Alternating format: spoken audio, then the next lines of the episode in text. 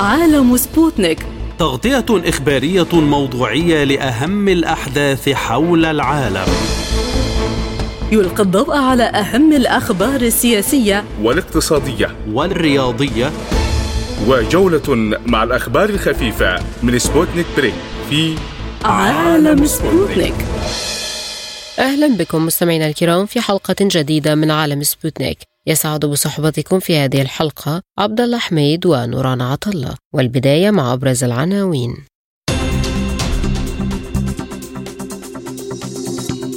بوتين يصف محاولة تمرد فاغنر بأنها جريمة خطيرة وطعنة في الظهر. موسكو تؤكد أن تطوير علاقاتها البناءة مع الدول الأفريقية ليست موجهة ضد دول أخرى. مبعوث الرئيس الفرنسي يواصل لقاءاته مع المسؤولين اللبنانيين لبحث أزمة الشغل الرئاسي. الأمم المتحدة تحذر من أن الوضع في الضفة الغربية قد يخرج عن السيطرة. اقتصاديا المفوضية الأوروبية تقر بصعوبة مواصلة فرض العقوبات ضد روسيا.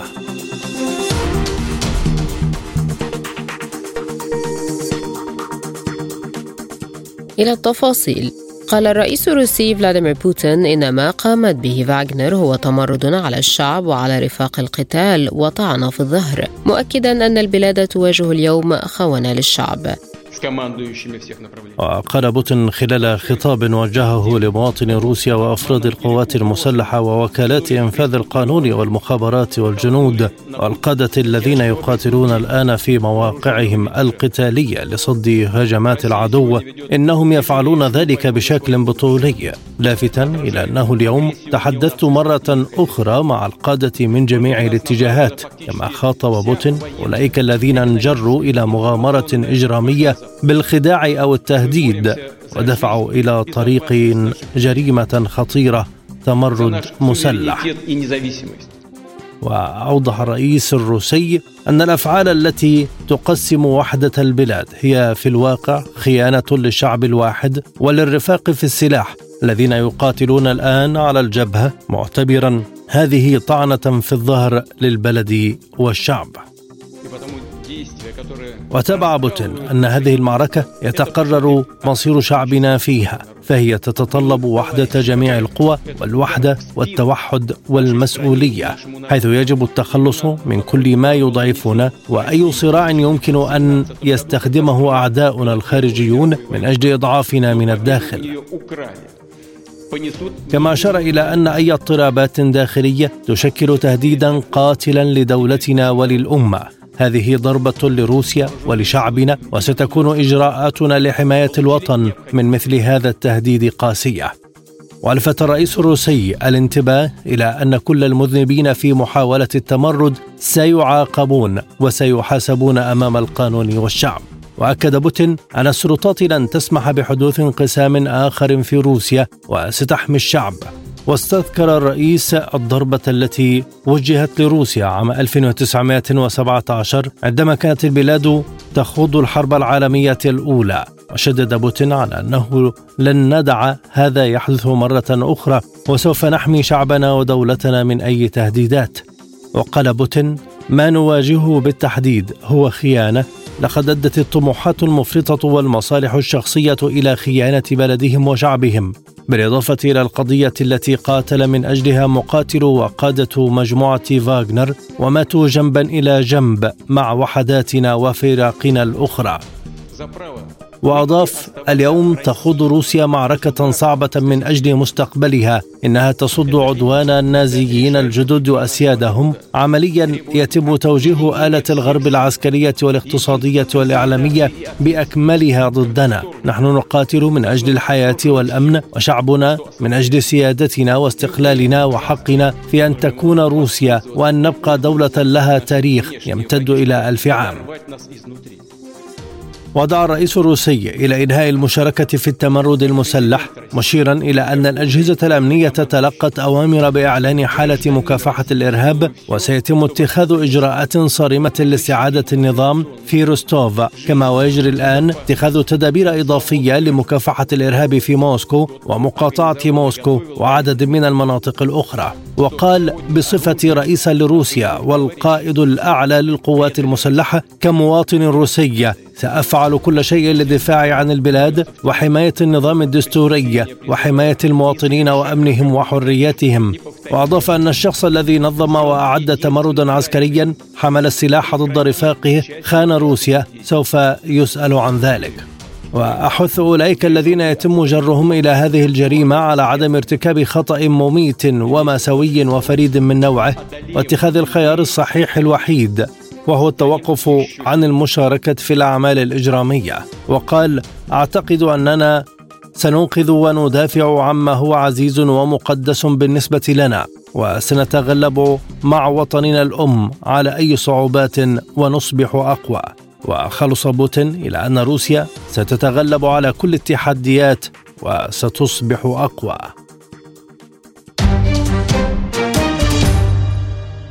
أكد الكرملين على أن موسكو تعمل على تطوير علاقاتها الطيبة والبناءة مع الدول الأفريقية لافتا إلى أن هذه العلاقات ليست موجهة ضد دول أخرى. جاء ذلك ردا على تصريحات الرئيس الفرنسي إيمانويل ماكرون في وقت سابق بأن روسيا تزعزع استقرار أفريقيا وأنها تلعب دورا غير مفيد للمجتمع الدولي. وقال المتحدث باسم رئاسة روسيا ديمتري بيسكوف للصحفيين أن روسيا تعمل على تطوير علاقاتها الطيبة والبناءة القائمة على الاحترام والاهتمام المتبادل بمشاكل الطرف الآخر مع جميع الدول الأفريقية.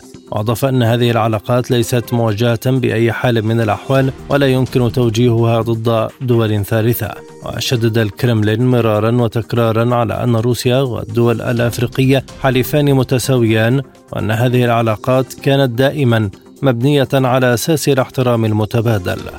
للمزيد من المتابعة ينضم إلينا من دمشق دكتور أسامة سماق المحلل السياسي. بعد التحية ما أسباب القلق الغربي من تنامي العلاقات بين روسيا والدول الأفريقية؟ وما هي محددات العلاقة بين روسيا وهذه الدول الأفريقية؟ ده موضوع يعني آه، آه، روسيا تحاول الدول الغربية عموما وخاصة بزعامة الولايات المتحدة الأمريكية عزل روسيا وحصارها على المستوى العالمي. بعد بدء العملية العسكرية الروسية في أوكرانيا. آه، و آه، وتبع ذلك مجموعة من العقوبات ومجموعة من آه، ومجموعة من إجراءات المصرفية وإجراءات وقف عملية نقل البضائع الروسية بما فيها الزراعية إلى دول العالم والتي كانت بالأساس موجهة إلى الدول الإفريقية. فمجرد آه، إيجاد روسيا منافذ لها أو بدائل لها للأسواق الأوروبية حيث اتجهت آه، آه، هذا يغيظ الغرب بدون شك. يعني إيجاد روسيا بدائل لها بدائل للأسواق الأوروبية والأمريكية في آسيا أو افريقيا يؤدي بالتالي إلى إفشال المحاولات الغربية أو إلى أو إلى عرقلة المحاولات الغربية في في حصار روسيا عالميا. وحيث نجحت روسيا آه، على في آسيا بإيجاد أسواق بديلة لصادراتها النفطية ولحوامل الطاقة المختلفة التي تنتجها من غاز وفحم حجري ونفط آه، بالإضافة إلى إلى آه، في وذلك أسواق بعد أن وجدت آه، أسواق بديلة في الصين في كل من الصين والهند وباكستان وبقيه دول اسيا وحتى هناك مبادلات على هذا المستوى مع بعض الدول العربية وحتى مع المملكة العربية السعودية. آه، هناك الصادرات الزراعية فالعالم كله بحاجة إلى الإنتاج الزراعي الروسي وخاصة إفريقيا التي تشهد الكثير من مناطقها ودولها وجغرافيتها مجاعات آه، متعددة ومنتشرة في كل مكان على القارة الإفريقية وتعتمد إفريقيا بشكل أساسي على واردات الحبوب الروسية وواردات الحبوب الأوكرانية. آه، ف إفريقيا تاريخيا آه، هي منطقة أو قارة صديقة لروسيا من منذ زمن الاتحاد السوفيتي. والحكومات الإفريقية مصرة على على الاستمرار في هذه الصداقة وفي التعاون آه، ذو المصلحة المتبادلة والمشتركة آه، آه، مع روسيا. وفي مقدمة الدول الإفريقية التي التي تجمعها مصالح مشتركة متجذرة اقتصاديا وسياسيا هي تأتي جنوب إفريقيا التي تشترك مع روسيا في في مجموعة دول بريكس. إضافة إلى العلاقات التقليدية والكلاسيكية التي تربط روسيا مع دول شمال إفريقيا أو الدول العربية في شمال إفريقيا كمصر والجزائر و وليبيا وتونس وإلى آخره. فكل هذا يسمح لروسيا أو يضمن مساحه لروسيا أو يفتح مساحه لروسيا كبيرة للمبادله لتصريف بضائعها وسلعها ولتطوير التعاون والتبادل التجاري مع مع دول إفريقيا عوضا عن عما خسرته في الأسواق الأوروبية والأسواق الأمريكية، طبعا هذا كله هذا النشاط السياسي الروسي آه، والتقارب الإفريقي الروسي بدون شك يؤدي إلى إغاظة الغرب وإلى عرقله محاولاته المستميتة من أجل الضغط على روسيا وحصارها آه، كي تصل روسيا إلى نقطة اللا رجعة ونقطة الخضوع إلى إلى ما تمليه آه، مصالح الدول الغربية أو القواعد التي تسميها أمريكا قواعد اللعبة العالمية التي وضعتها أمريكا والتابعين لها من دول أوروبا. والتي تعني الهيمنة الأمريكية على العالم والذي تمرد هذه الهيمنة التي تمردت عليها روسيا وخاصة آه، جاء ذلك واضحا وصريحا وصاخبا مع بدء الحرب الأوكرانية. ما أسباب تراجع الدور الفرنسي في أفريقيا؟ يعني آه، فرنسا الحقيقة يعني حضرتك عارفة أنه بريطانيا وفرنسا عبارة عن قوتين استعماريتين قديمتين. وكما قال أحد المحللين الأمريكيين إن لم تخني الذاكرة من آه، وهو محلل تابع لجريده الواشنطن بوست قال ان إن بريطانيا لا تستطيع أن تنسى ماضيها الاستعماري ولا تستطيع أن آه، تتسالم أو تهادن الحقيقة التي تقول بأن عصر العظمة لبريطانيا قد ولى وأنها لم تعد الإمبراطورية التي لا آه، التي لا تغيب عنها الشمس. كذلك الحال بالنسبة لفرنسا آه، كبريطانيا دولة استعمارية قديمة وإلى اليوم تتعامل دولتان سواء فرنسا ولا بريطانيا مع مع مستعمراتهم القديمة على أساس أنها دول آه، دول متخلفة آه، تابعة سياسيا واقتصاديا لإرادتهم السياسية يعني الاراده الفرنسية والإرادة البريطانية. ومن هنا كان تدخل آه، فرنسا في مالي آه، تحت هذا العنوان من أجل كما كانت تعلن ضبط الأمور وحفظ النظام والمساعدة في في تجنيب سكان مالي والشعب مالي إراقة الدماء والإرهاب المنتشر في في في أراضي هذه الدولة. فشلت فرنسا وقوات وقواتها في الوصول إلى نتيجة ترضي الماليين، مما جعل مالي تلجأ إلى روسيا وخاصة إلى إلى روسيا وإلى آه، الشركة الروسية آه، المعروفة فاغنر آه، من أجل ان أن تحل محل القوات الفرنسية التي بدأت التي طلب منها الانسحاب من مالي. فكان بالنسبة لفرنسا انه إنه آه، بدأت تتهم كما صرح ماكرون على ما أعتقد أمس أو آه، أو أول أمس صرح بان بأن روسيا بأن روسيا تحاول إخراج فرنسا من من إفريقيا وأن وجود روسيا في إفريقيا يؤدي إلى عدم الاستقرار في هذه الدولة، هذا ليس هو قد يؤدي إلى عدم استقرار المصالح الفرنسية في إفريقيا، هذا صحيح، ولكن ساعد ويساعد إفريقيا ومالي خاصة على استعاده على استعادة النظام وبناء الدولة من جديد ومكافحة الإرهاب المنتشر على الأراضي المالية وعلى الدول وفي الدول الإفريقية الأخرى. هل جاء تراجع الدور الفرنسي في أفريقيا بسبب تنامي الدور الروسي والصيني؟ طبعا بدون شك وخاصة آه، أن هناك صراع بين يعني العالم يتغير. العالم يتغير ولم يعد العالم آه، يخضع لهيمنة لم يعد العالم عالم القطب الواحد.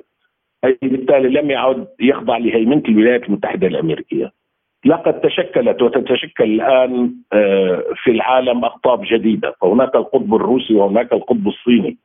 وكان الحقيقة مرشح الاتحاد الأوروبي أن يكون قطبا رابعا ولكن تبعية الاتحاد الأوروبي لأمريكا وتنفيذه لاملاك البيت الأبيض جعله آه، جعله آه، كيان آه، سياسي من الدرجة الثانية، فالعالم يتغير وهناك ثلاث أقطاب أصبحت صريحة وواضحة على مسرح السياسة الدوليه أمريكا وروسيا والصين.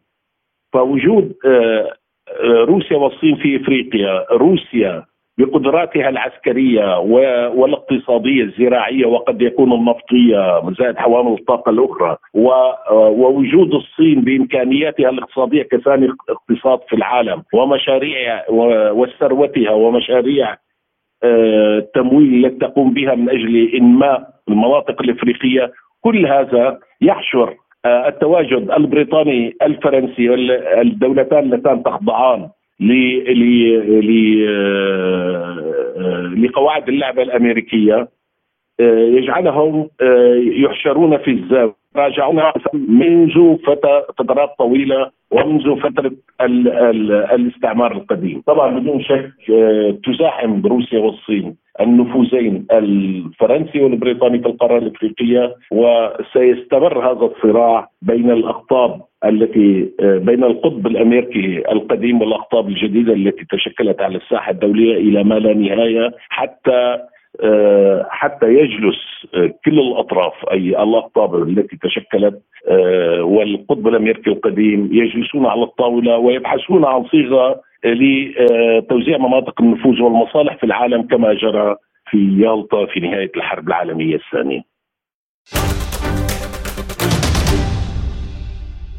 التقى مبعوث الرئيس الفرنسي إلى لبنان جان إيفلودريان في اليوم الثالث من زيارته لبيروت عددا من نواب قوى التغيير في إطار استطلاع مواقف القوى السياسية في ملف أزمة الشغل الرئاسي. وقال النائب عن قوى التغيير ياسين ياسين لسبوتنيك أن اللقاء كان إيجابيا جدا من ناحية تبادل الأفكار ولم يحمل أي مبادرة ولم يطرح أي شيء إنما أراد الاستماع. في الأثناء التقى لودوريان سفراء الدول التي شاركت في اجتماع حول لبنان في السادس من شباط فبراير في باريس وهي الولايات المتحدة وفرنسا والسعودية ومصر وقطر. وقال المصدر الدبلوماسي لوكالة فرانس بريس إنهم اتفقوا على ضرورة القيام بدون إبطاء بانتخاب رئيس للبنان تمهيدا لمباشرة الإصلاحات الاقتصادية والاجتماعية في إطار برنامج للنهوض بالبلد. لقاء الحصول على مساعدة صندوق النقد الدولي. المزيد من المتابعة ينضم إلينا من بيروت جورج علم المحلل السياسي بعد التحية ما هي نتائج مباحثات مبعوث الرئيس الفرنسي في بيروت؟ آه، المحادثات التي يجريها الرئيس الموفد الفرنسي إلى لبنان إنما هي محادثات استطلاعية بمعنى أنه يطرح عدد من الأسئلة على ضيوفه من الكتل النيابية ومن رؤساء الأحزاب حول الوضع في لبنان وبالتالي كل الذين قابلوه يقولون بأنه قليل الكلام وأنه جاء مستمعا ولم يطرح مبادرة معينة. وبالتالي يمكن القول بأن زيارته الحالية إلى لبنان هي استطلاعية تمهيدا لجوجلة الأفكار فيما بعد لكي يكتب تقريرا يرفعه إلى الرئيس الفرنسي إيمانويل ماكرون وفي ضوء هذا التقرير يتقرر أو تتقرر خطواته المستقبلية تجاه لبنان فإذا كان سوف يحمل مبادرة في المرة القادمة المتوقع أن تكون في الشهر المقبل. هل قدم مبعوث الرئيس الفرنسي بالفعل أطروحات جديدة خلال لقائه القوى السياسية اللبنانية؟ الحقيقة المريب في الموضوع أن فرنسا ليست بجديدة عن الملف اللبناني.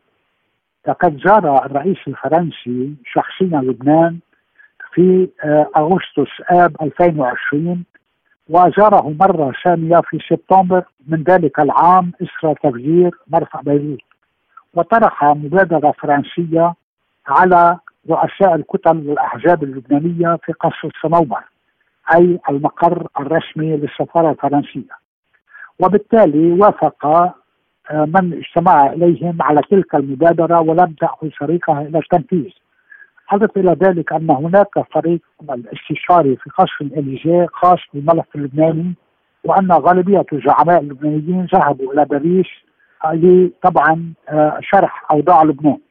لذلك أن يقال بأن مهمة الموفد الرئاسي الفرنسي هو الاستطلاع يرسم أكثر من علامات استفهام لأن باريس أو قصر الاليزيه ملم تماما بالواقع اللبناني.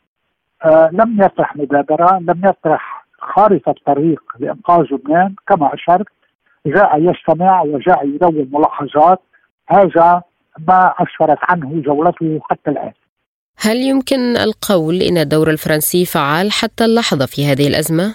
الحقيقة أن الدور الفرنسي عنوانه هو منع الشغور لكن يدرك تماما بأن الأزمة ليست أزمة انتخاب رئيس الجمهورية ولا طبعا أزمة أسماء مرشحين بقدر ما هي أزمة نظام وأزمة حكم. بمعنى أن هناك نظام طائفي في لبنان نظام آه، يعني مذهبي قائم. هناك طبقة يتهمها المجتمع الدولي بالفساد وبالتالي هذا الأمر يعني يتناول أو يتعدى المرشحين لرئاسة الجمهورية إلى كيفيه إعادة صياغة نظام في لبنان يستطيع من خلاله أن يدرك هذا البلد طريق الخلاص ولا يبقى ضمن المراوحة القائمة. من هنا أقول بأن إذا كان هناك من مبادرة هذه المبادرة لا يمكن أن تكون محلية أي لبنانية لأن الحوار هو مفقود بين المكونات أو سائر المكونات.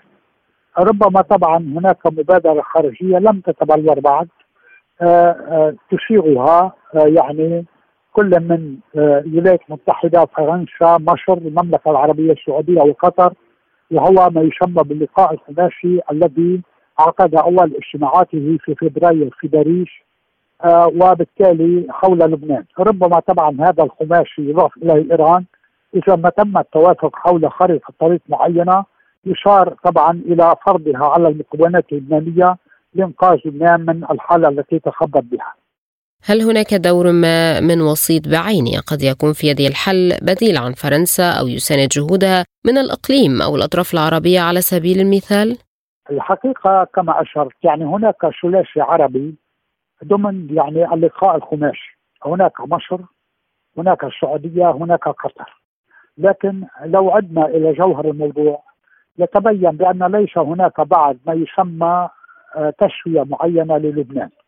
هناك بطبيعه الحال اجتماعات ومحادثات واتصالات بعيدة عن الأضواء. السؤال المطروح هل أن الموفد الرئاسي الفرنسي موجود حاليا في لبنان يريد أن يطرح شيئا على هذا اللقاء الخماسي آه لكي يشار تفاهم بشأنه في محاولة لتبريره في لبنان طبعا بالتوافق مع إيران الذي لها دور بارز من خلال حزب الله على الساحة اللبنانية. هذه فرضيات مطروحة. هذا إذا كان هناك من بارقة أمل في امكانيه يعني معالجة الوضع اللبناني. لكن لو ترك الأمر إلى الداخل اللبناني فليس هناك من حوار ليس هناك من توافق. هناك انقسام عمودي بين المكونات السياسية اللبنانية. وفي ظل ان اعلام الحوار يعني يصعب الوصول إلى تسوية للوضع اللبناني بين المكونات المطلوب هو مساعدة خارجية، المساعدة الخارجية لم تتوافر جهودها بعد. بقراءتك لما هو حادث، ما المعوقات التي تعطل هذه الخطوة حتى الآن في ظل أزمات لبنان المتلاحقة؟ الحقيقة اولا لنعد إلى بنية الدولة هناك بطبيعة الحال أزمة مالية، أزمة سياسية، أزمة اقتصادية، أزمة مصرفية، ازمه تربويه بمعنى أن الشهادات الرسمية التي يفترض طبعا أن يترشح لها الطلاب المؤهلين قد ألغيت. هناك أزمة على مختلف المستويات. لو تعمقنا في الأزمة اللبنانية هناك انقسام عمودي بين حزب الله والمقاومة اللبنانية والدور الذي يلعبه حزب الله على الساحة وبين الفرقاء الآخرين الذين يصفون تحت شعار السياديين أو التغييريين. لذلك إذا أردنا أن نشخص حقيقة الصراع في لبنان هناك صراع بين الدويلة التي يحاول حزب الله بطبيعة الحال أن يفرض أو أن يمسك بمقاليدها وبين الدولة اللبنانية وهذا طبعا ما ينعكس في الحقيقة في تعطيل الحوار وحتى في تعطيل انتخاب رئيس الجمهورية علينا أن نتذكر في في, في الرابع عشر من الجاري جرت محاولة لانتخاب رئيس وكان الانقسام عموديا ولم يتمكن أي مرشح من الطرفين الفوز بالأكثرية الدستورية المطلقة لكي يصار انتخابه هذا دليل أن هناك صراع جدي بين الدويلة المدعومة من إيران والتي يمثلها حزب الله وبين سائر المكونات اللبنانية التي تحتمي وتتحزب للدولة اللبنانية. إلى أي مدى يمكن أن يتم التوافق على رئيس للبلاد من خارج الاصطفافات السياسية كما دعت قوى التغيير؟ الحقيقة الخيار الثالث مطروح بمعنى أنه في ظل يعني آه تقدم مرشحين من قبل الأطراف المتباعدة سوف ينعط أي مرشح بأنه تحدي للفريق الآخر. لكي نخرج من تحت عباءة التحدي والاتهامات بين الفرقاء المتباعدين على الجميع أن يبحث عن خيار ثالث عن مرشح يحظى بتوافق الطرفين. لكن التوافق كما أشرت بحاجة إلى حوار. هذا الحوار حتى الآن يعني ممنوع انعقاده لأن كل طرف يحاول بطبيعة الحال أن يتقدم إلى إلى الحوار بشروط مبطنة يرفضها الفريق الآخر. لذلك أقول بأن الحل في الداخل لا يزال متعذرا ربما طبعا هو هناك تعويل على دور خارجي ما لإنضاج مرشح توافقي يحظى ب آه، طبعا دعم كل الأطراف المتباعدة ليشار إلى انتخابه، لكن كيف ومتى؟ هذا يحتاج إلى آلية إلى خارطة طريق لم تتضح معالمها بعد وكل الأمال معقودة أن يكون أن يكون لفرنسا دور فاعل لإنجاز مثل هذه المبادرة. في أقرب وقت ممكن رغم أن ليس هناك ما يؤشر بأن هناك إيجابيات متوقعة في غضون أيام أو أسابيع قليلة. حذر مفوض الأمم المتحدة السامي لحقوق الإنسان فولكر تورك من أن الوضع في الضفة الغربية قد يخرج عن السيطرة. وقال ترك في بيان إن عمليات القتل الأخيرة وأعمال العنف وكذلك الخطاب الناري لا تؤدي سوى إلى دفع الإسرائيليين والفلسطينيين أعمق في الهاوية. وأضاف أن أعمال العنف التي اندلعت هذا الأسبوع يغذيها الخطاب السياسي الحاد والتصعيد في استخدام إسرائيل لأسلحة عسكرية متطورة. وأوضح تورك أن التدهور الحاد كان له تأثير رهيب على الفلسطينيين والإسرائيليين على حد سواء داعيا إلى إنهاء فوري للعنف.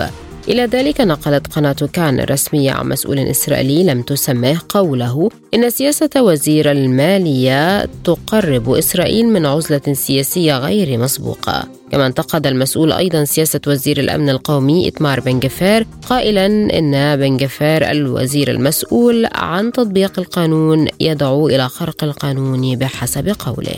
للمزيد تنضم إلينا من نابلس الدكتورة نجاة أبو بكر النائب في المجلس التشريعي الفلسطيني، أهلا بك سيدتي، هل تتسبب قرارات إسرائيل بالتوسع في الاستيطان في خروج الأمور عن السيطرة بالضفة الغربية كما تتحدث الأمم المتحدة؟ آه، نعم بداية تحياتي لك وتحياتي لكل أهل حيثما وجدوا وتحياتي لكل من يدق الخزان الفارغ ويطلق الصرخات في ظل الهجمات المسعورة التي تقوم بها إسرائيل حيث هنالك توغل وهنالك تسليح للمستوطنين وهنالك عملية تضخيم للمستوطنين. نحن شاهدنا بالأمس رسالة تلمودية وجهها المستوطنين لشعب الشعب الإسرائيلي تقول أن هذه الأرض هي أرض يهودية وهذه الأرض ليست إلا لليهود وأن عليهم أو على العالم أن يقر بأنهم هم أصحاب الأرض. هذا إيذان بفتح الحرب وفتح الصراع على مصراعيه تقوية عضلات المستوطنين حيث تم توزيع آلاف قطع السلاح الغير مشرعة وتم أيضا قوننة مئات البؤر الاستيطانية وبالأمس شاهدنا سموتريتش وهو يقود حملة بريطانية مشعورة على جبل صبيح في بيتا وهي منطقة تم إخلاءها تم إعادتها بالأمس وتم إعادة مواقع أخرى. في شمال الضفة الغربية تجد أن كل الجبال الآن يحتلها شبيبة الجبال المدججين بالسلاح يقوموا بالاعتداء على الناس يقوموا بحرق المزروعات يقوموا بممارسة كل أشكال آه، الدمار. أول أمس دخلوا إلى جامع قرية عريف وحطموا ومزقوا وأدخلوا الكلاب آه، حيث قامت بتمزيق المصاحف. الأمم المتحدة تأخرت كثيرا. الشارع الآن آه، في فلسطين لا يخضع لأحد. لا يخضع للسلطة ولا يخضع لإسرائيل. الأمور آه، في سلام كبير آه، لمواجهة الهجمات. إذا ترك المستوطنين في آه، تحديدا في الضفة الغربية يقوموا بكل هذه الجرائم سيكون هنالك ملاحم أول أمس وأمس ليلا. صنع الشباب شيء اسمه الحراس أو حراس الليل. قاموا بتجهيز أنفسهم بالعصي وبالحجارة والإضاءة لعدم قدرة آه، السلطة على حماية الناس. اخترع الناس آليات لحماية أنفسهم وهذا يدل على فقدان الأمل وفقدان البوصله وعدم آه، الثقة بأي آلية كتبتها أوسلو أو غير أوسلو. السلطة تبعد عن منطقة نابلس فقط كيلو ونص وتبعد عن ترمسعية 250 كيلو 250 متر لم تستطع أن تحمي أحد من الهجمات التي قام بها المستوطنين ولماذا تترك إسرائيل المستوطنين يتحركون بكل سهولة ويشتبكون بالفلسطينيين حتى أنهم يقومون بدور جنود الجيش؟ لديها حسب الرسالة التي وصلتنا آه، بالأمس وتم تعميمها باللغة العبرية. لديها توجه لإنهاء وجود الفلسطينيين في مناطق سي. من وضع أوسلو ووضع مناطق ألف وبي وسي شرع للمستوطنين هذا هذه العربدة وهذه وهذا الجنون. وإضافة إلى ذلك هنالك قضية في غاية الأهمية أن من يحكم إسرائيل ليسوا السياسيين. من يحكم إسرائيل هم حكومة مستوطنين. المستوطنين الذين يقودهم سمترش سموتريتش اللي وضع برنامج في 2017 قال فيه بأن لديه مخطط لتفريغ مناطق سي من سكانها. الآن يتم تطبيق هذا المخطط وهذا ناتج عن ضعف الحكومة الإسرائيلية التي لا يوجد بها سياسيين وضعف السلطة التي تتخبط ولا يوجد لها آليات لحماية المواطنين. نحن الآن أصبحنا إن لم نحمي أنفسنا لا يوجد أحد يحمينا. الشارع في تدافع نحو العنف. كل يوم آه، سنرى ونشاهد مزيد من الدمار. العالم الآن يتفرج. وحتى إن تفرج العالم يكتفي بملاحظات واستنتاجات لا يجوز أن يبقى العالم في حالة كتابي في حالة الكتابة الوصفية للحالة الفلسطينية لأن الأمور الآن أخذت بالتدحرج نحو أسوأ الظروف. لذلك العالم جميعه مدعو إلى حماية الشعب الفلسطيني إلى توفير حماية وقوات حماية دولية إلى تشغيل وتفعيل القوانين الدولية إن لم تحصل نحن ذاهبون إلى دوامة كبيرة بيننا وبينهم إلى أي مدى يمكن أن يشن الجيش الإسرائيلي عملية عسكرية واسعة في الضفة في ظل دعوات داخل الائتلاف الحكومي لذلك؟ هنالك دعوات داخل الكنيسة أو ما يسمى بالكنيسة الإسرائيلي لشن حملات وهم يقوموا بها. يعني للأمانة أنا أسكن في مدينة اسمها مدينة نابلس حينما يدخلوا يدخلوا ويجتاحوا كل شيء.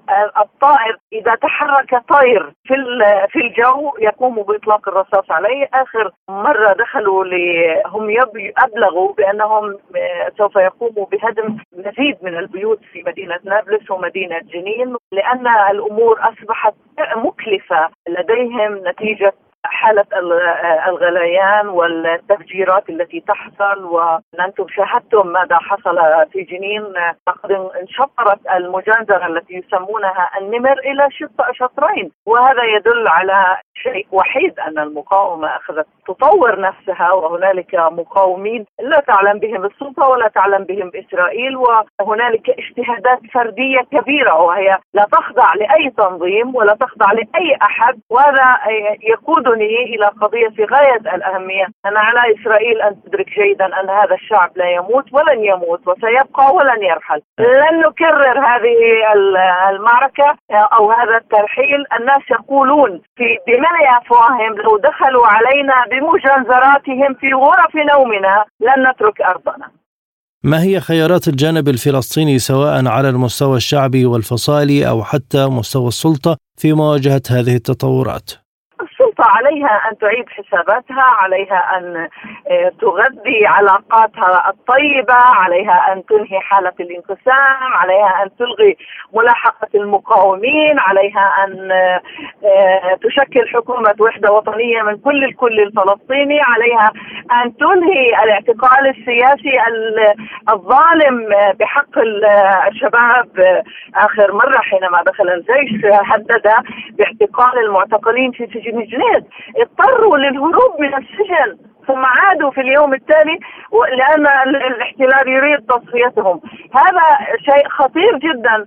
آه، يجب أن آه، تتنبأ السلطة إلى قضية في غاية الخطوره وغاية الأهمية أن الشارع الآن يفلت من أيدي السلطة ومن أيدي إسرائيل.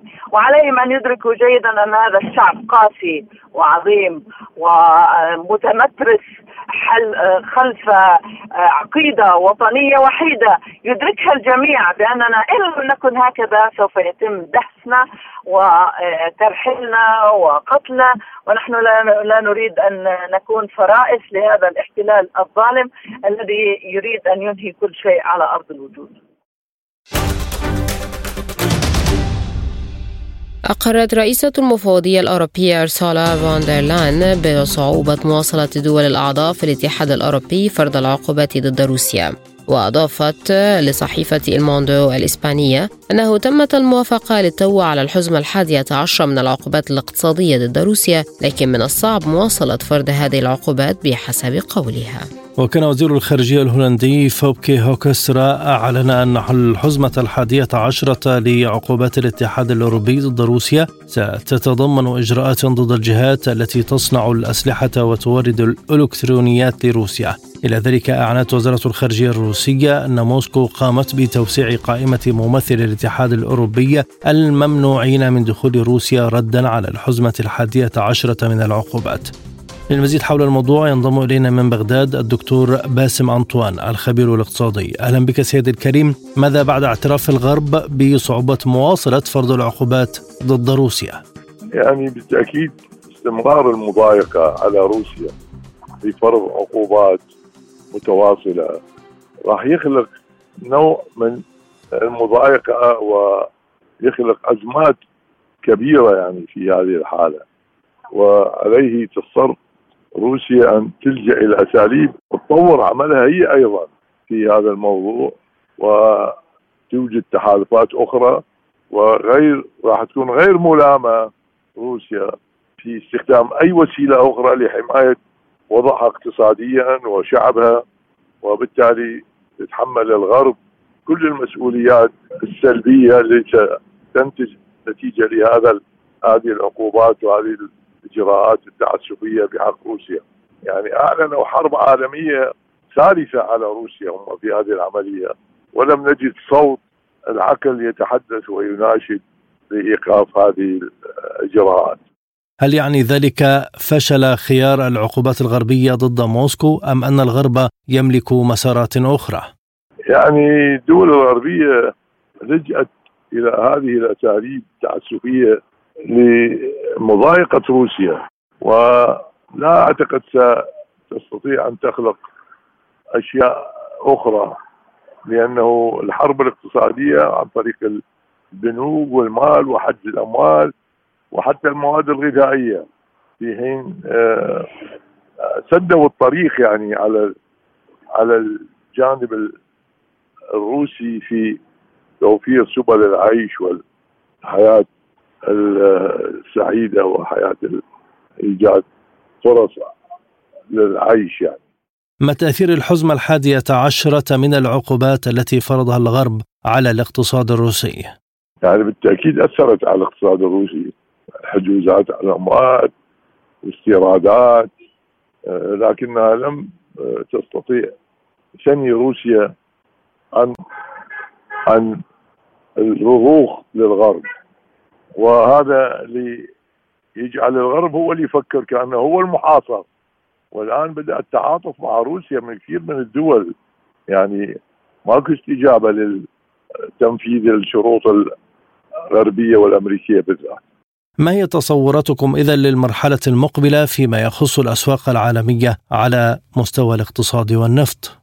يعني على مستوى النفط بالتأكيد سيحدث ارتفاع في أسعار النفط لأنه تضيق الخناق على روسيا كأحد من أكبر منتجين الطاقة.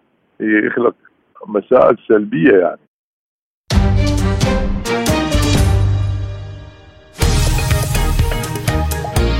عالم سبوتنيك يغطي جميع الأحداث السياسية والاقتصادية والرياضية حول العالم. على مدار ساعة تتابعون عالم سبوتنيك مع أهم خبراء التحليل السياسي والاقتصادي. نقترب معكم في متابعة دقيقة من القضايا السياسية والاقتصادية، كما نستعرض أهم الأخبار الرياضية والفنية والبيئية. انتظروا عالم سبوتنيك أيام الجمعة والسبت والأحد من كل أسبوع. ملفات ساخنة. برنامج يسلط الضوء على أهم القضايا الحرجة في العالم. في ملفات ساخنة نستعرض القضايا مع جميع الأطراف ومن كل الزوايا لاستجلاء الحقيقة. ملفات ساخنة يستضيف أهم الخبراء وأجرأ الضيوف. تابعوا ملفات ساخنة مع راديو سبوتنيك أيام السبت والثلاثاء والخميس من كل أسبوع. والآن مستمعين إليكم جولة إخبارية حول العالم. دعت وزارة الدفاع الروسية اليوم السبت مقاتلي فاغنر لعدم المشاركة في التمرد المسلح الذي دعا إليه مؤسس شركة فاغنر العسكرية الخاصة يفغيني بيريغوغين ونشدت وزارة الدفاع الروسية في بيان مقاتلي وحدات فاغنر الهجومية العسكرية الخاصة قائلة لقد تم خداعكم في مغامرة بيريغوجين الإجرامية ومشاركته في تمرد مسلح. نفت وزارة الطوارئ الروسية صباح السبت التقارير عن فرض حظر تجول في مقاطعة روستوفا الروسية. وقالت الصفحة الرسمية لمدير الطوارئ في المنطقة أن المعلومات المنتشرة في وسائل التواصل الاجتماعي وتطبيقات المراسلة حول فرض حظر التجول في إقليم روستوف لا تتوافق مع الواقع. وفي هذه الأثناء تتعامل الأجهزة الأمنية مع دعوة للعصيان المسلح أطلقها مؤسس شركة فاغنر العسكرية الخاصة يفغيني بروغين بزعم أن قواته تعرضت لقصف من الجيش الروسي وهو ما نفاه الأخير. أعلن القائم بأعمال رئيس جمهورية دونتسك الشعبية دينيس بوشيلين اليوم السبت أن القوات المسلحة الروسية في مواقعها على طول خط التماس على محور دونتسك تصد هجمات العدو وتواصل التقدم. وقال بوشيلين إنه على طوال خط التماس على اتجاه جمهورية دونتسك الشعبية يصد جنود القوات المسلحة الروسية من أماكنهم هجمات العدو ويستمرون في التقدم كلما أمكن ذلك. قال وزير الخارجية الإيراني حسين أمير عبد اللهيان إن إنشاء آلية للحوار والتعاون بمشاركة كل دول منطقة الخليج يعتبر ضروريا ومثمرا أكثر من أي وقت مضى. وأضاف عبد اللهيان عبر تويتر أن إيران ترحب بمبادرة الأمين العام للأمم المتحدة لعقد لقاء لوزراء خارجية دول الإقليم في نيويورك. وأضاف أن طهران تطرح أيضا فكرة إنشاء منتدى للحوار والتعاون بمشاركة كافة الدول الواقعة على ضفتي الشمال والجنوب للخليج.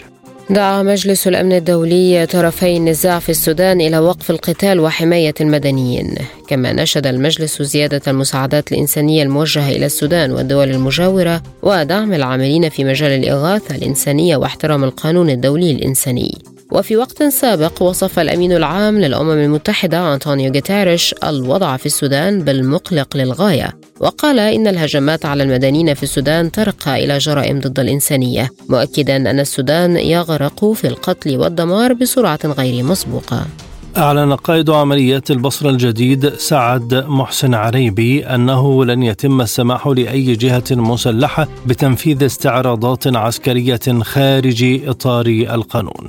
ونقلت قناة السومرية عن عريبي قوله بأن القانون فوق الجميع وأن عمليات البصرة تهدف للحفاظ على الأمن والاستقرار في المحافظة العراقية وذلك من خلال التعاون مع القيادات والوكالات الأمنية الموجودة فيها. وأوضح عريبي أنهم سيعملون على خطة لتأمين أجواء عيد الأضحى ومراسم عاشوراء. يأتي ذلك بعد أن قامت جماعات مسلحة بالاستعراض بأسلحة خفيفة ومتوسطة في مناطق معينة بالمحافظة قبل أيام.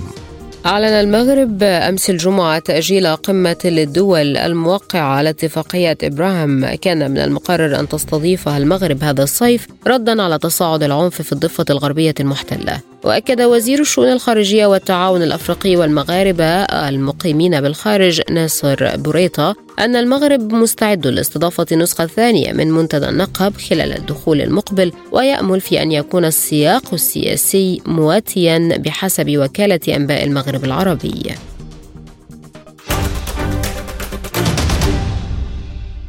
مستمرون معكم وهذه تذكرة بأهم ملفات عالم سبوتنيك.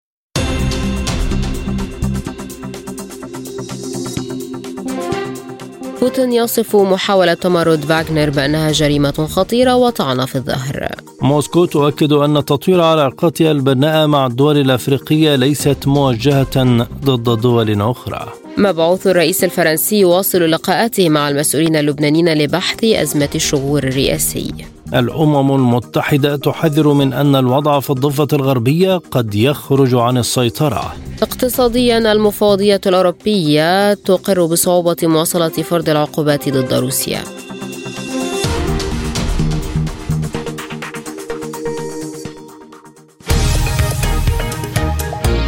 عالم سبوتنيك يغطي جميع الأحداث السياسية والاقتصادية والرياضية حول العالم.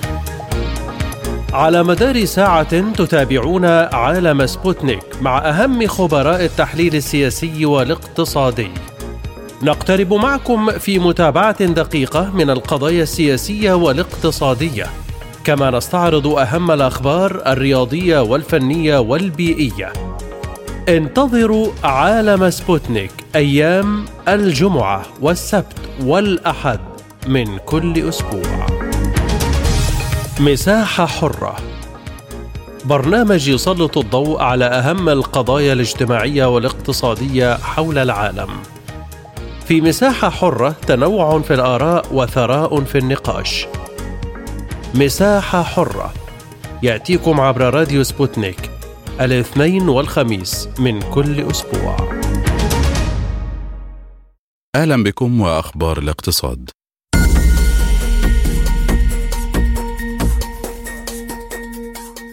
أعرب نائب المندوب الصيني الدائم لدى الأمم المتحدة جانغ شوانغ أمس الجمعة عن قلق بكين من تأثير الأزمة الأوكرانية على الانتعاش الاقتصادي العالمي. وأكد في كلمة له خلال اجتماع مجلس الأمن الدولي بشأن أوكرانيا على ضرورة بذل كل جهد لإدارة الآثار غير المباشرة للأزمة معربا عن قلق بكين البالغ إزاء تأثير أزمة أوكرانيا على تعافي الاقتصاد العالمي لا سيما تحقيق البلدان النامية لأهداف التنمية المستدامة أهداف التنمية في فترة ما بعد وباء كوفيد 19 ودعا الدبلوماسي الصيني جميع الأطراف إلى العمل بشكل مشترك من أجل الحد من الأثار السلبية للصراع المستمر لا سيما من خلال الحفاظ على استقرار الصناعة وسلاسل التوريد وإنهاء العقوبات الأحادية الجانب. أكد رئيس الجمهورية التونسية قيس سعيد الخميس الماضي رفضه أي شروط تهدد السلم الاجتماعي في تونس مشددا على ضرورة تغيير ومراجعة سياسات صندوق النقد الدولي ووصفاته وتوصيته وأضاف في تصريحات لوكالة الأنباء التونسية الرسمية أن وصفات الصندوق لا يمكن أن تكون مقبولة إلا إذا اعتمدت على تصور بلاده مؤكدا أنه لا يمكن قبول وصفات تعد كوضع عود ثقاب بجانب مواد قابلة للانفجار. أوضح الرئيس التونسي أنه ليس مجرد أرقام بل يتعلق الأمر بكرامة البشر وأهمية الحفاظ عليها مشيرا إلى ضرورة قلب الساعة الرملية إذا كانوا يرغبون في تحقيق العدالة على حد قوله. تظاهرت جمعية صرخة المودعين في وسط العاصمة اللبنانية بيروت أمس الجمعة للاحتجاج على تعميم مصرف لبنان بما في ذلك تحديد سعر صرف الدولار للمودعين بخمسة عشر ألف ليرة لبنانية وتعميم رقم 165 المتعلق بعمليات التسوية الإلكترونية العائدة إلى الأموال النقدية والصادر أخيرا عن المصرف وأشعل المحتجون النيران في صور المسؤولين وحاكم مصرف لبنان. وكتبوا عبارات منددة بالمصارف والسياسيين على جدران المصرف المركزي وحمل المتظاهرون المسؤولين عن المصارف والحكومة مسؤولية سرقة أموالهم واحتجاز ودائعهم دون أي وجه حق. كما توعد المحتجون بالتصعيد والتعرض للسياسيين اللبنانيين في أي مكان حتى يتم تحقيق العدالة والإفراج عن أموالهم المودعة في المصارف.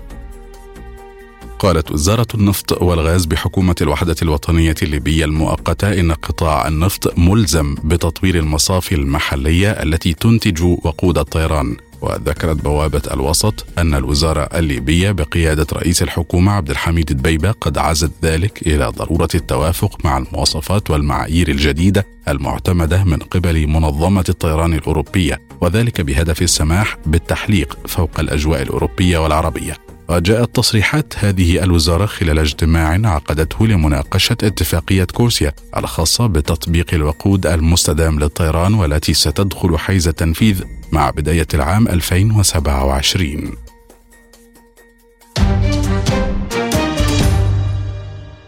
والآن مع أخبار الرياضة. أعلن الاتحاد الدولي لكرة القدم فيفا أمس الجمعة أن أمريكا ستستضيف بطولة كأس العالم للأندية في عام 2025 والتي تضم لأول مرة 32 فريقا. وقال رئيس فيفا جياني إنفانتينو في بيان إن كأس العالم للأندية 2025 ستكون قمة نخبة كرة القدم المحترفة للرجال. وأضاف أنه مع وجود البنية التحتية المطلوبة جنبا إلى جنب مع الاهتمام المحلي الهائل فإن أمريكا هي المضيف المثالي لانطلاق هذه البطولة العالمية الجديدة. يشار إلى أن أمريكا ستستضيف كذلك بطولة كأس العالم لكرة القدم في نسختها لعام 2026 إلى جانب كندا والمكسيك. أفادت تقارير إسبانية أمس الجمعة بأن ريال مدريد الإسباني توصل لاتفاق مع باريس سان جيرمان الفرنسي لضم كيليان مبابي خلال الميركاتو الصيفي الحالي. وذكر برنامج التشيرينجيتو الإسباني أن فلورنتينو بيريز رئيس ريال مدريد وناصر الخليفي رئيس سان جيرمان اتفقا على انتقال مبابي إلى الفريق الملكي. وأوضح أن كيليان سينتقل للملكي مقابل 200 مليون يورو إضافة إلى 50 مليون إضافية وفقا لأداء اللاعب ونتائج الفريق. أعلن نادي الهلال السعودي أمس الجمعة عن ضم لاعب الوسط البرتغالي روبن نيفيس قادما من صفوف ولفرهامبتون الإنجليزي. ونشر الهلال فيديو ترويجي للصفقة عبر حسابه على تويتر. يظهر ارتداء نيفيس قميص الفريق إلى جانب الترحيب بوصوله إلى النادي في عقد يستمر لثلاثة أعوام. وشارك نيفيز مع ولفرهامبتون في 41 مباراة بجميع المسابقات الموسم الماضي. سجل خلالها ستة أهداف وصنع هدفا واحدا. انطلق في سنغافورة الخميس الماضي أول أسبوع أولمبي للرياضات الإلكترونية من بينها سباق السيارات والبيسبول والرماية والرقص. تهدف الفعالية التي تدعمها اللجنة الأولمبية الدولية إلى دعم تطوير الرياضات الإلكترونية داخل الحركة الأولمبية كما أنها ستجمع أكثر من 100 رياضي من 20 دولة حتى الأحد. واعتبرت اللجنة الأولمبية الدولية الرياضات الإلكترونية نشاطا رياضيا في عام 2017 وذلك في إطار استراتيجية عالمية لجذب الشباب للحركة الأولمبية وتبني التقدم التكنولوجي في هذا المجال على الرغم من أن إدراجها في الألعاب الأولمبية لا يزال بعيدا في المنال.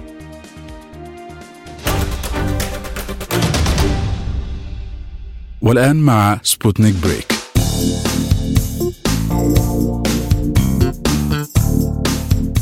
واصل موظفون في مركز اتصالات هاتفية من مكتب في شرق العاصمة الإسبانية مدريد الرد على الهواتف لمدة ساعتين و40 دقيقة في نفس الغرفة التي كانت ترقد فيها زميلتهم جثة هامدة. وقع الحادث الثلاثاء الماضي في مكتب تابع لشركة مركز الاتصال الإسبانية المتعددة الجنسيات Konecta شرق العاصمة مدريد.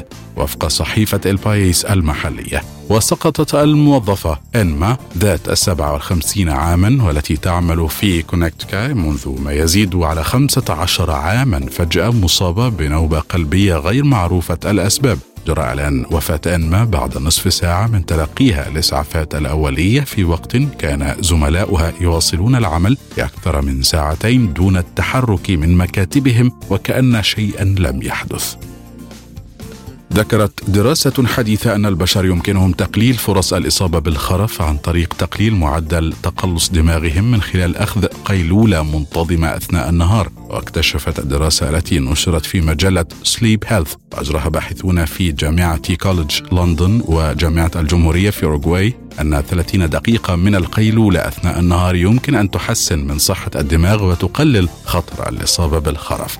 أضافت أن أخذ قيلولة منتظمة يمكن أن يبطئ تقلص الدماغ ويؤجل عملية الشيخوخة لمدة سبع سنوات. كما اكتشف الباحثون أيضا أن متوسط الاختلاف في حجم الدماغ بين الأشخاص الذين اعتادوا القيلولة وأولئك الذين لم يعتادوا عليها يتراوح بين 2 و5 من عشرة و6.5 سنوات من الشيخوخة. شاركت راكبات الأمواج السعوديات للمرة الأولى في تاريخ الرياضة السعودية في بطولة العالم 2023 التي أقيمت في السلفادور. شهدت البطولة مشاركة لاعبات سعوديات ليلى زاهد وتالا الفقيه وشيرين ميرزا في الفعاليات التي أقيمت بين التاسع والعشرين من مايو أيار والخامس من يونيو حزيران. ونقلت صحيفة عكاظ أن هذه المشاركة تعد الثانية لبعثة المملكة العربية السعودية في بطولة العالم بعد المشاركة في المنافسات التي أقيمت في الولايات المتحدة العام الماضي والتي مثل فيها المملكة لاعبون رجال فقط. وتحمل هذه البطولة أهمية دولية كبرى حيث تؤهل منافساتها الأبطال للمشاركة في دورة الألعاب الأولمبية 2024 التي سوف تقام في باريس. تسببت مشاهد سابقة عرضت في مسلسل عائلة سيمسون الكرتوني الشهير بحدوث موجة جدل كبيرة في الأوساط الأمريكية إذ ربطها كثيرون بحادثة غرق الغواصة تايتن وظهر في مشاهد من الحلقة العاشرة من الموسم السابع للمسلسل الكرتوني في عام 2006 شخصية هومر عالقا في الأعماق خلال رحلة بحث عن كنز موجود في سفينة غارقة. بحسب المشاهد تعلقت الغواصة في الشعاب المرجانية لتبدأ إشارة إنذار تشير إلى أن نسبة الأكسجين منخفضة بالوميض فيفقد هومر وعيه ليستيقظ لاحقا في المستشفى. وتداول الأمريكيون المشاهد بشكل واسع على منصة تويتر مع الكثير من التعليقات التي ربطت بينها وبين حادثة الغواصة تايتن وأيضا تنبؤ المسلسل بأحداث مثل 11 سبتمبر أيلول وفوز دونالد ترامب برئاسة الولايات المتحدة الأمريكية في السابق.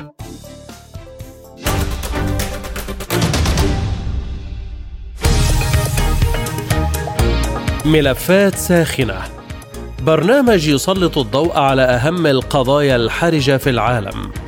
في ملفات ساخنة نستعرض القضايا مع جميع الأطراف ومن كل الزوايا لاستجلاء الحقيقة.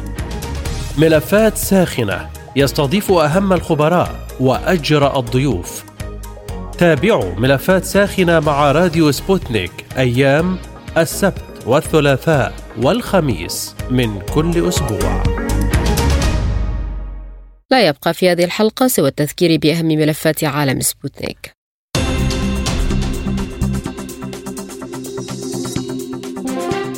بوتين يصف محاولة تمرد فاغنر بأنها جريمة خطيرة وطعنة في الظهر. موسكو تؤكد أن تطوير علاقاتها البناءة مع الدول الأفريقية ليست موجهة ضد دول أخرى. مبعوث الرئيس الفرنسي يواصل لقاءاته مع المسؤولين اللبنانيين لبحث أزمة الشغل الرئاسي. الأمم المتحدة تحذر من أن الوضع في الضفة الغربية قد يخرج عن السيطرة. اقتصاديا المفوضية الأوروبية تقرر بصعوبة مواصلة فرض العقوبات ضد روسيا. ورياضيا الولايات المتحدة تستضيف بطولة كأس العالم للأندية 2025 في نظامها الجديد. للمزيد زوروا موقعنا سبوتنيك dot ae. إلى اللقاء.